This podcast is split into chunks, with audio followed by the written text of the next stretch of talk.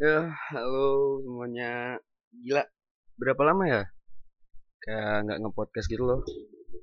Berapa, ntar gue tuh terakhir upload podcast itu kalau nggak salah tahun lalu deh. Tahu kapan dah? Gue juga lupa. Dan uh, kembalinya gue ke sini asik. Kembalinya nggak tuh? Kembali gue ke sini tuh kayak gue pengen sharing lagi, cerita lagi, pengen uh, berbagi lah. Maksud gue gue juga bingung gitu loh. Sekarang tuh akhir-akhir ini gue suka bingung mau cerita ke siapa mau apa namanya mau ngomongin apa gue juga bingung gitu. Gue terakhir upload itu tanggal 9 bulan 1 iya tanggal 9 bulan 1 2021 at least 6 bulan Blay. Iya udah 6 bulan gue nggak upload podcast baik di Spotify, YouTube dan segala macam. Tapi yang jelas uh, gua di podcast ini akan ngebawain hal baru dan dulu kan kayak gue tuh ngepodcast itu uh, gue ngepodcast itu uh, kayak harus ada topik pembahasan gitu loh. Kayak misal gue mau ngebahas soal percintaan atau soal uh, diri gue atau cerita dari orang lain. Nah di uh, sekarang itu gue lebih kayak ke pengen random talk aja gitu loh obrol obrolan random. Ya kalau pengen gue ngomong atau pengen gue cerita ya langsung gue record atau gue apa. Cuman kayak ada beberapa hal yang ngebuat gue harus jarang-jarang uh, upload. Karena kondisi gue di rumah juga harus sepi. Kayak sekarang nih gue ngerekod rumah gue lagi sepi karena orang rumah lagi pada pergi ataupun nanti gue ke studio buat rekaman. Itu pun kalau gue ke studio lewat HP jadi ya sebelumnya mohon mohon maaf aja kalau emang suaranya kurang jelas ataupun apa itu. Ngomong dulu kan nah uh, dimulainya gue balik lagi ke sini kayak gue tetap dengan platform yang sama dengan nama yang sama. Spotify juga masih sama, YouTube masih sama. Kalau YouTube gue mungkin jarang eh, jarang-jarang aja di live stream, mungkin main main catur atau main apa apa itu, atau sekadar ngobrol random sama teman-teman Discord gue. Biasa yang kayak gue lakuin kalau kalian udah sering nonton di YouTube. Dan ya, dan akhirnya kayak nih gue ceritain dulu kenapa gue balik. Ya, tadi udah sih, cuman kayak gue pingin aja lebih ter lebih aktif lagi lebih rajin lagi untuk ngepodcast karena balik lagi emang gue base sukanya ngobrol sukanya ngomong gitu cerita. Kayak gue pernah kan gue baru balik KKL kuliah kerja lapangan tapi diganti dengan kunjungan study. At least itu sih menurut gue jalan-jalan ya bukan bukan apa ya bukan kayak belajar.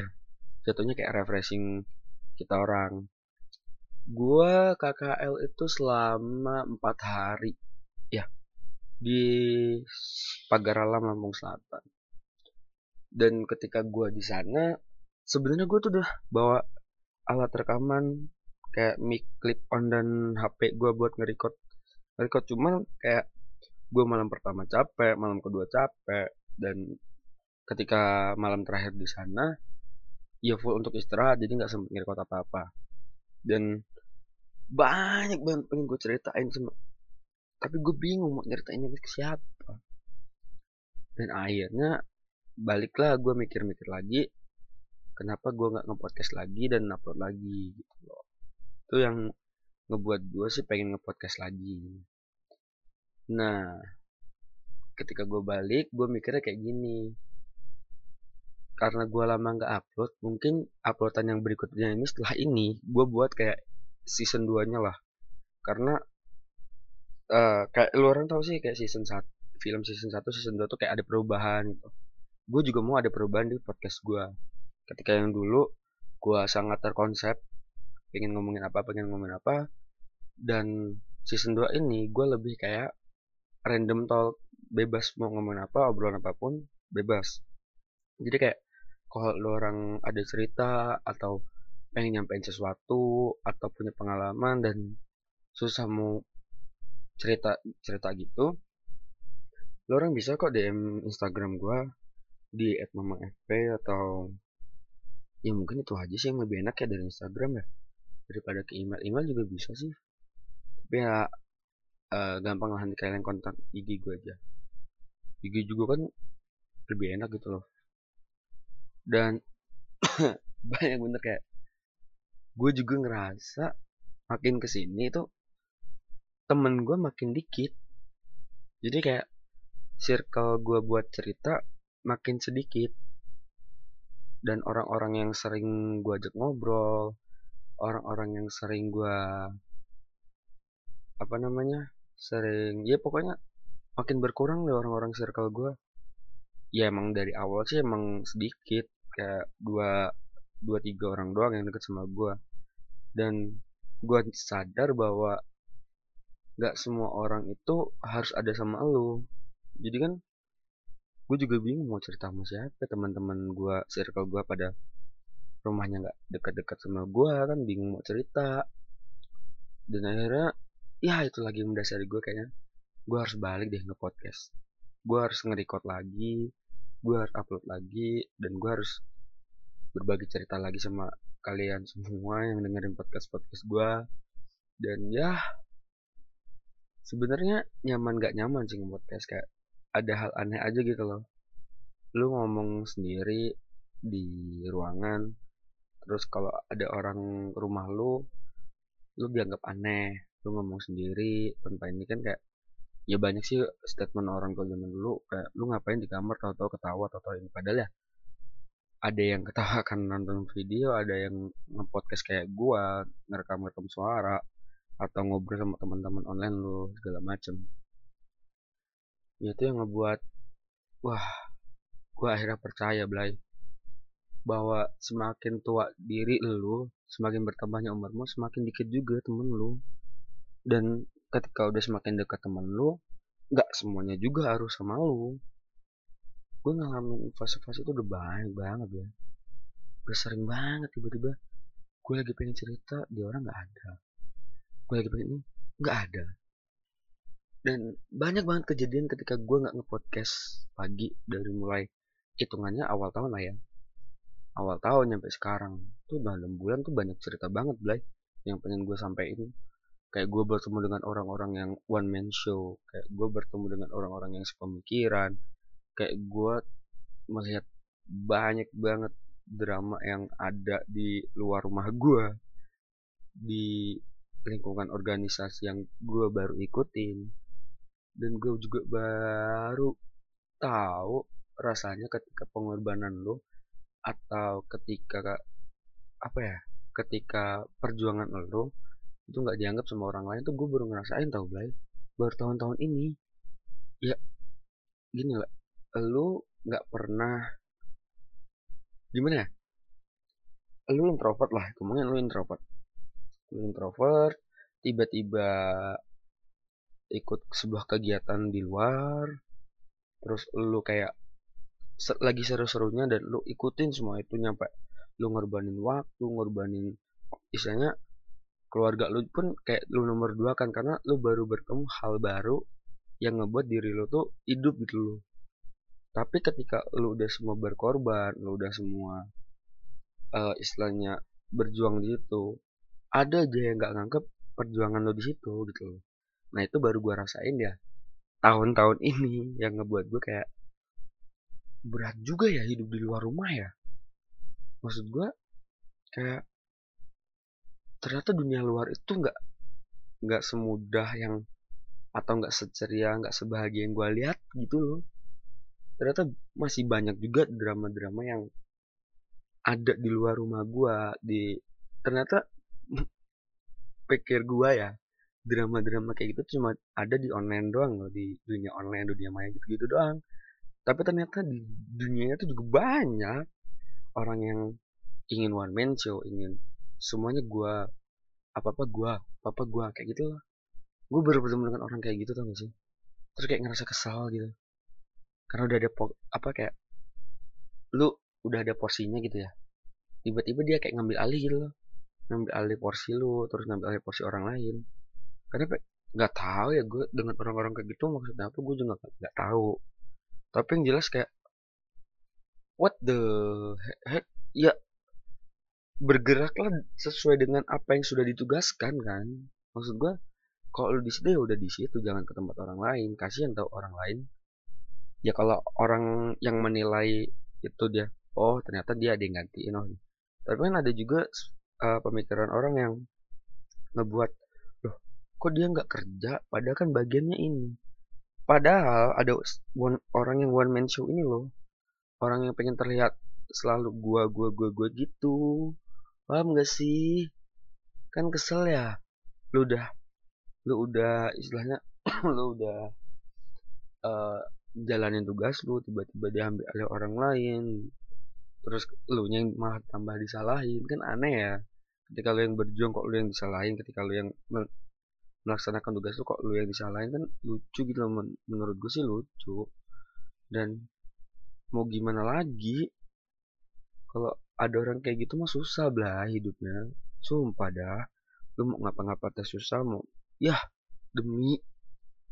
Makanya uh, setelah gue mengenal orang-orang seperti itu setelah gue tahu dengan sifat-sifat orang itu. Dan gue sempat juga mengetahui bahwa ada gue nemu kata-kata di internet kayak gini.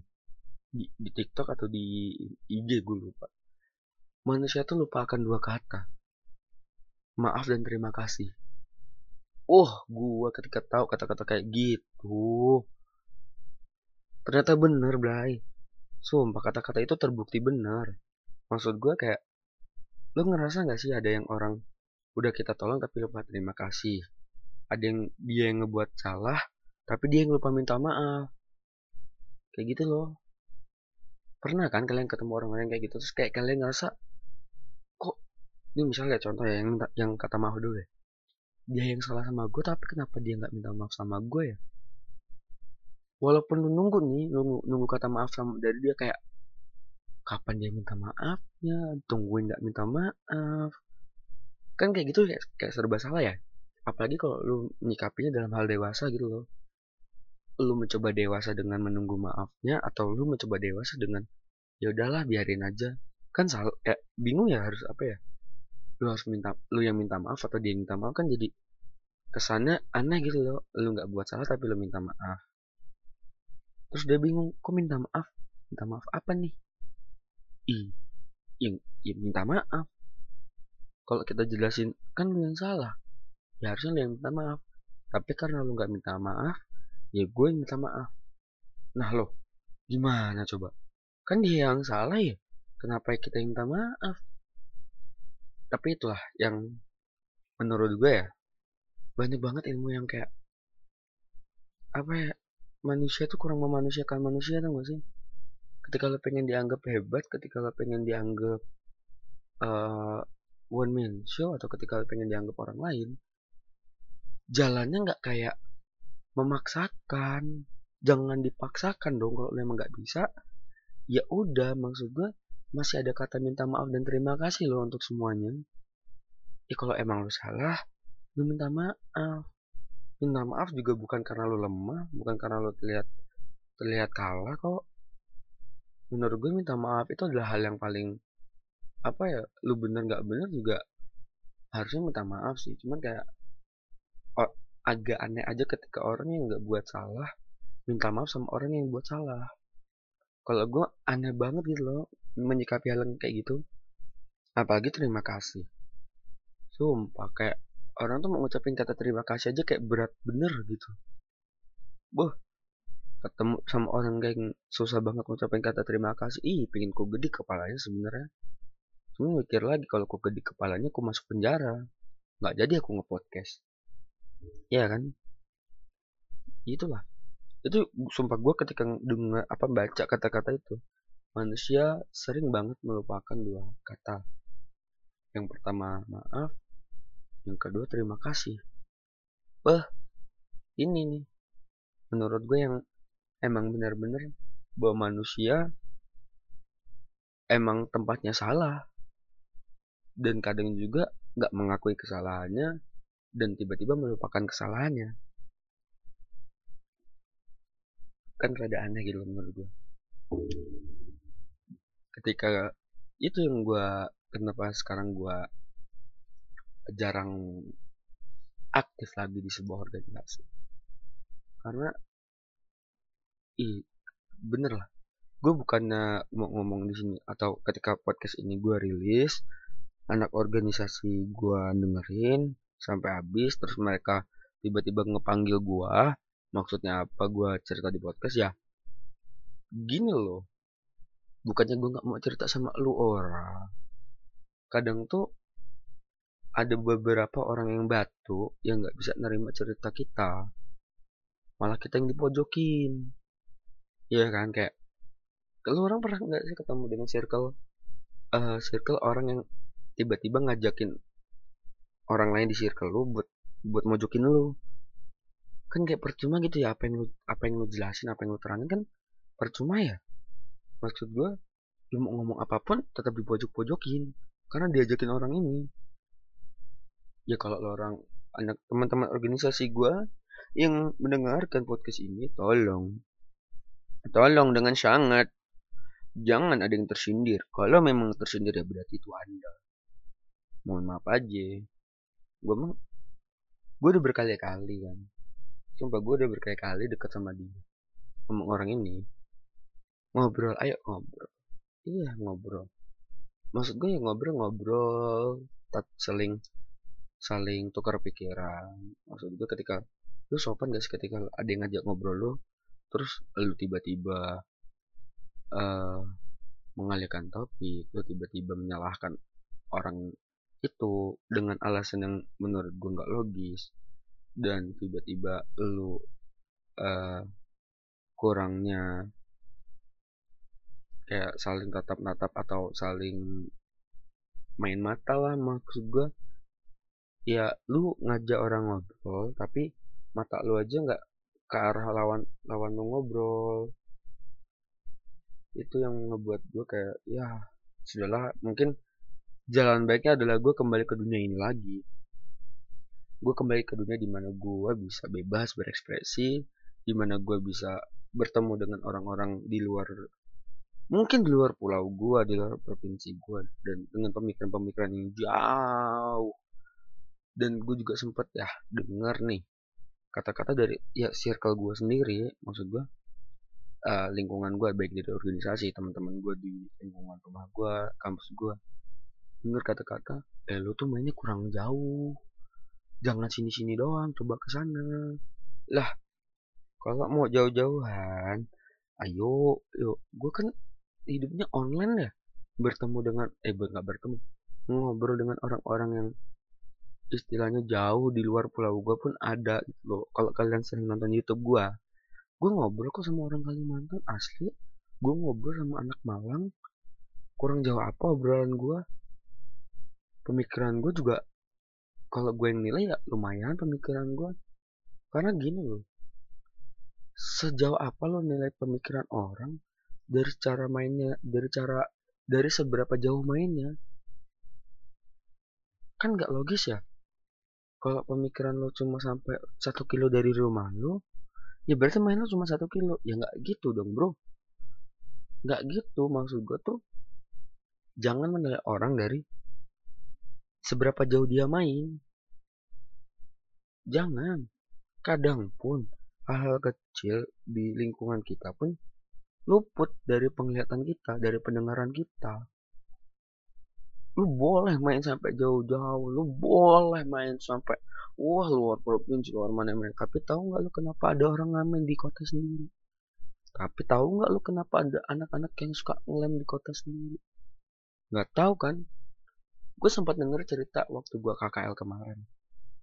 Gue KKL kemarin itu jujur ya gue lebih banyak ngobrol sama kernet bis tukang foto sama teman sekamar gue jarang gue ngobrol sama teman-teman angkatan gue sumpah. Tapi yang paling berkesan ketika gue ngobrol sama fotografer dari uh, tour guide tempat kampus gue ini. Tour guide di tour guide ini menurut gue asli. Gue ngobrol sama dia dia tuh uh, gue sama teman gue sama dua fotografer sama dia sama satu fotografer ini. Dari jam 8 malam nyampe jam 3 pagi gue ngobrol sama dia banyak banget obrolan-obrolan yang kayak pengen gue pengen gue rekam tapi kayak ah nggak cocok anjir direkam. Kayak pengen ngobrol terus gitu loh. Pengen nggak mati obrolannya. Jadi iya kita orang ngobrol-ngobrol-ngobrol aja sampai jam 3 pagi ada kita orang ternyata di provinsi gue pun masih ada banyak pertanyaan. Di kota-kota gue juga masih menyimpan banyak pertanyaan di setelah gue denger cerita dari fotografer ini yang gue buat mikir adalah ternyata nggak semua uh, hal buruk itu terjadi karena hal buruk. Ketika lu melakukan hal buruk penyebabnya juga bukan hal buruk. Hal baik pun bisa jadi penyebabnya. Uh, fotografer ini cerita sama gue dia tinggal ke masa kecil dia tinggal di sebuah ujung rel di provinsi gue makanya kenapa dia nyebutnya nyebut diri dia sama gengnya dulu waktu kecil Aurel anak ujung rel. Buat asli gue terkesan kayak wah keren sih anak-anaknya. Kayak lo hidup di pinggir rel lu bertemu dengan kereta setiap hari dan tapi di balik itu gue mendengar sebuah cerita yang menurut gue cukup kaget ketika gue dengar ketika dia nyeritain anak-anak kecil SMP SD SMP yang suka ngelem. Nah ngelem itu kayak lu beli lem Ibon terus lem itu lu buka lu hirup gitu loh. Ya lu cari sendiri deh. Efeknya kayak narkoba. Tapi narkoba maksudnya narkoba yang paling murah ya lem itu. Dan orang pemikiran orang ketika ada anak kecil ngelem adalah didikan orang tuanya nggak benar. Atau pergaulannya bebas. Atau negatif-negatif. Tapi yang dia fotografer ini cerita adalah ini kata-katanya dari fotografer. Jadi gini ini, kata-katanya. Jadi gini mas. Anak-anak yang suka ngelem itu bukan karena gaya-gayaan kalau dulu. Bukan karena apa-apa mas. Tapi karena urusan perut. Gue kayak ngerasa ketika dia ngomong kayak gitu Hah, yakin anak-anak kecil ngelem itu karena urus urusan perut? Masukannya berarti kelaparan kan? Baru gue tanya dong kok bisa urusan perut? Ya karena hidupnya keras mas di sana. Apa-apa buat makan aja susah. Nih ya mas kalau mereka mas tawarin lem atau nasi mereka pilih lem mas gue tanya dong kok bisa ya karena dengan ngelem mas kita bisa nggak makan dua hari bisa tahan dua hari Itulah kenapa mas, anak yang ngelem itu kurus. Karena yang diserang tuh bukan bukan cuma perut tapi paru-parunya. Ketika mas nggak makan dua hari ya kurus gitu. Badannya kecil-kecil kecil-kecil. What the? Kan yang gue tahu ya sampai sekarang yang gue lihat di 86 yang di mana-mana ya. Orang yang ngelem itu ada gaya-gayaan di pinggir jalan. Ataupun orang yang pengen pengen mabok tapi nggak punya duit tapi tapi ketika gue denger cerita kayak gitu wah kacau ketik gue ternyata pemikiran gue masih belum belum banyak. Kayak gue masih belum bisa menempatkan diri gue di posisi orang lain. Itu yang kayak ngebuat gue salah hidup gue kenapa nggak kenapa gue nggak bisa apa ya kenapa gue nggak bisa menempatkan diri gue di posisi mereka? Itu yang bikin gue kayak kayaknya gue harus banyak banyak ngobrol sama orang lain deh walaupun gini, maksud gue gue harus banyak bertemu dengan orang baru orang lain dan sharing cerita deh sama mereka. Nggak cuma bertemu dengan orang-orang yang main show pengen terlihat baik di depan orang lain. Soalnya gini loh gue tuh sebelum bertemu dengan uh, fotografer ini gue tuh selalu bertemu dengan orang-orang yang pencitraan orang-orang yang berusaha baik di depan orang lain orang-orang yang memanipulasi orang lain orang-orang yang uh, iya pokoknya kayak gitulah. Pengen terlihat baik di depan orang lain deh intinya. Yang ngebuat gue anjing hidup gue tuh bukan untuk kayak gini loh. Gue melatih diri gue untuk jujur untuk selalu jujur untuk selalu terbuka untuk selalu open sama orang lain tapi kok lingkungan gue nggak mendukung gue gitu loh. Ketika gue memanajemen waktu dengan uh, baik dengan manajemen gue tapi orang lain tuh nggak mau atau nggak bisa menghargai apa yang gue lakukan. Nah ketika gue bertemu dengan fotografer ini dan cerita panjang lebar cerita sampai bisa sampai pagi gue mikir kayak kayaknya gue harus bertemu dengan orang-orang jalanan orang-orang yang hidup di jalan dan sharing cerita sama dia. Orang-orang yang jadi tukang parkir orang-orang yang jadi sopir apa pun itu kayaknya gue harus cerita deh sama mereka dan sharing cerita sama mereka. Karena menurut gue hidup di jalan itu keras bro. Lu nggak tahu apa yang terjadi di jalan. Ataupun lu nggak tahu apa yang terjadi selama dia jadi tukang parkir. Atau lu juga nggak tahu apa yang dialami dialami selama jadi supir bus. Atau lu nggak akan tahu kenapa dia bisa ngamen dia bisa ngemis. Lu nggak akan tahu kalau lu cerita sama dia. Itu yang ngebuat gue kayak wah anjing. Hidup gue ternyata masih beruntung di atas di atas mereka. Gue bisa kayak apa ya gue bisa makan. Gue nggak mikir besok harus makan apa.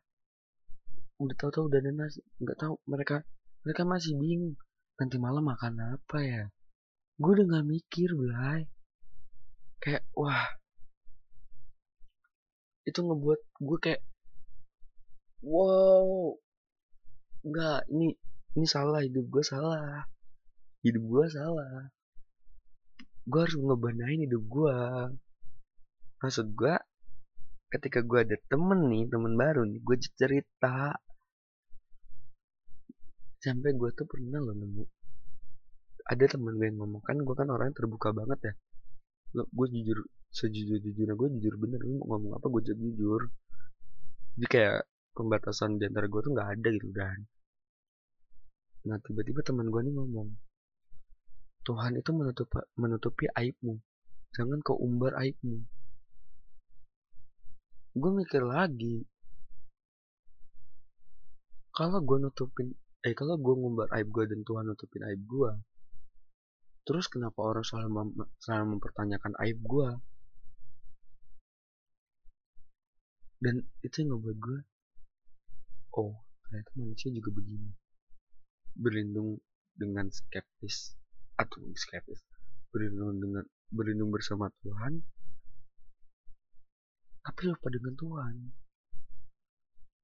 Mereka lupa dengan Tuhan ketika mereka membawa Tuhan di dalam sebuah obrolan di dalam sebuah percakapan gue bisa jamin sih mereka juga bisa melupakan Tuhan mereka hanya menjadikan Tuhan itu sebagai tameng menurut gue.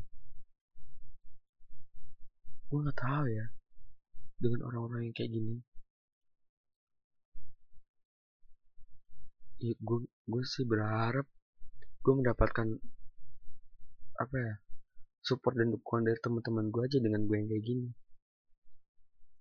Sebenarnya banyak yang gue ceritain. Cuman kayak mungkin untuk perkenalan aja di season 2 ini kembalinya gue dengan cerita yang uh, sedikit singkat karena gue juga lupa beberapa bagian yang kenapa gue bisa sampai kayak gini mungkin di selanjutnya gue bakal ngobrol cerita lagi sama kalian. Nggak tahu gue mau ngomongin apa nanti. Itu karena season 2 ini gue udah bilang oh season 2 ini ada random talk yaitu obrolan random. Gue mau ngobrolin apa uh, sejalannya otak gue aja. Dan ya udah pegel sih. Dan thank you banget yang udah mau dengerin gue kembali. Yang gue pengen pesen adalah di podcast pertama season 2 ini. Jangan selalu menilai orang tuh dari cover. Kayak lu pernah dengar nggak? Don't judge a book by this cover. Menurut gue itu bukan sekedar kata-kata. Menurut gue itu bukan sekedar kalimat. Menurut gue itu juga bukan sekedar apa itu gue nggak tahu namanya gue lupa. Tapi itu harus lu maknai dan lu harus terapkan juga dalam kehidupan gue dengan umur gue yang 20-an tahun tapi uh, perawakan tubuh gue dan muka gue seperti tahun 80-an 90-an itu ngebuat gue kayak terlalu banyak dihina dengan penampilan gue terlalu banyak kayak orang-orang nilai gue tuh sebagai orang-orang yang tua dan sangar melihat perawakan gue jadi kalau bisa lu juga harus posisikan diri lu sebagai lawan bicara lu dan don't judge book by discover. Thank you dan sampai jumpa di selanjutnya aja. Karena gue udah kedatangan teman online gue Arsa gue gue nggak pakai headset oke? Okay? thank you